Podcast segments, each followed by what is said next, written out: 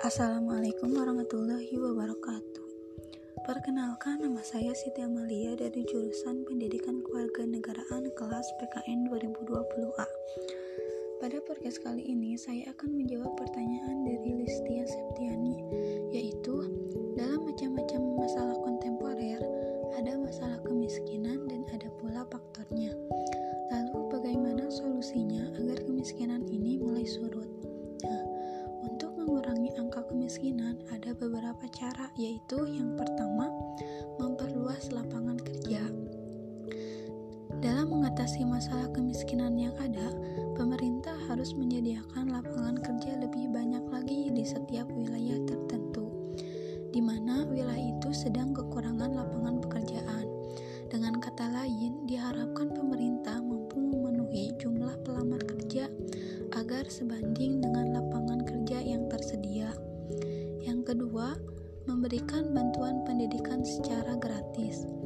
Dalam hal edukasi, pemerintah telah mengadakan program bantuan pendidikan berupa wajib belajar 9 tahun bagi masyarakat yang tidak mampu. Dan pemerintah juga perlu memberi keringanan biaya iuran bulanan sekolah kepada siswa yang orang tuanya merasa kurang mampu agar dapat melangsungkan sekolahnya.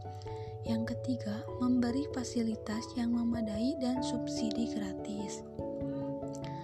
Pemerintah sebaiknya memberikan fasilitas yang merata di setiap wilayah. Pemberian fasilitas tersebut dapat diwujudkan dengan melengkapi sejumlah sarana dan prasarana yang dinilai kurang atau masih belum cukup keberadaannya. Setelah fasilitas terpenuhi, diharapkan masyarakat dapat hidup layak dan sejahtera. Yang keempat, melakukan inovasi dan krea, krea, kreasi. Salah satu upaya terciptanya lapangan pekerjaan yaitu harus inovatif dan kreatif. Diharapkan pemerintah mampu melakukan penyuluhan kepada masyarakat agar pentingnya menjadi pribadi yang inovatif dan kreatif. Dan yang terakhir, membuka lapangan kerja baru. Dalam usaha untuk mencegah kemiskinan, kita dapat berinisiatif untuk membuka usaha sendiri, seperti warung makan, restoran, tempat penginapan, dan lain sebagainya.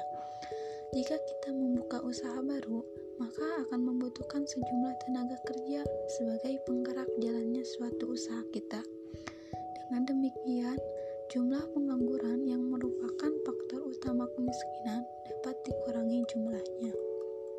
Sekian dari saya. Wassalamualaikum warahmatullahi wabarakatuh.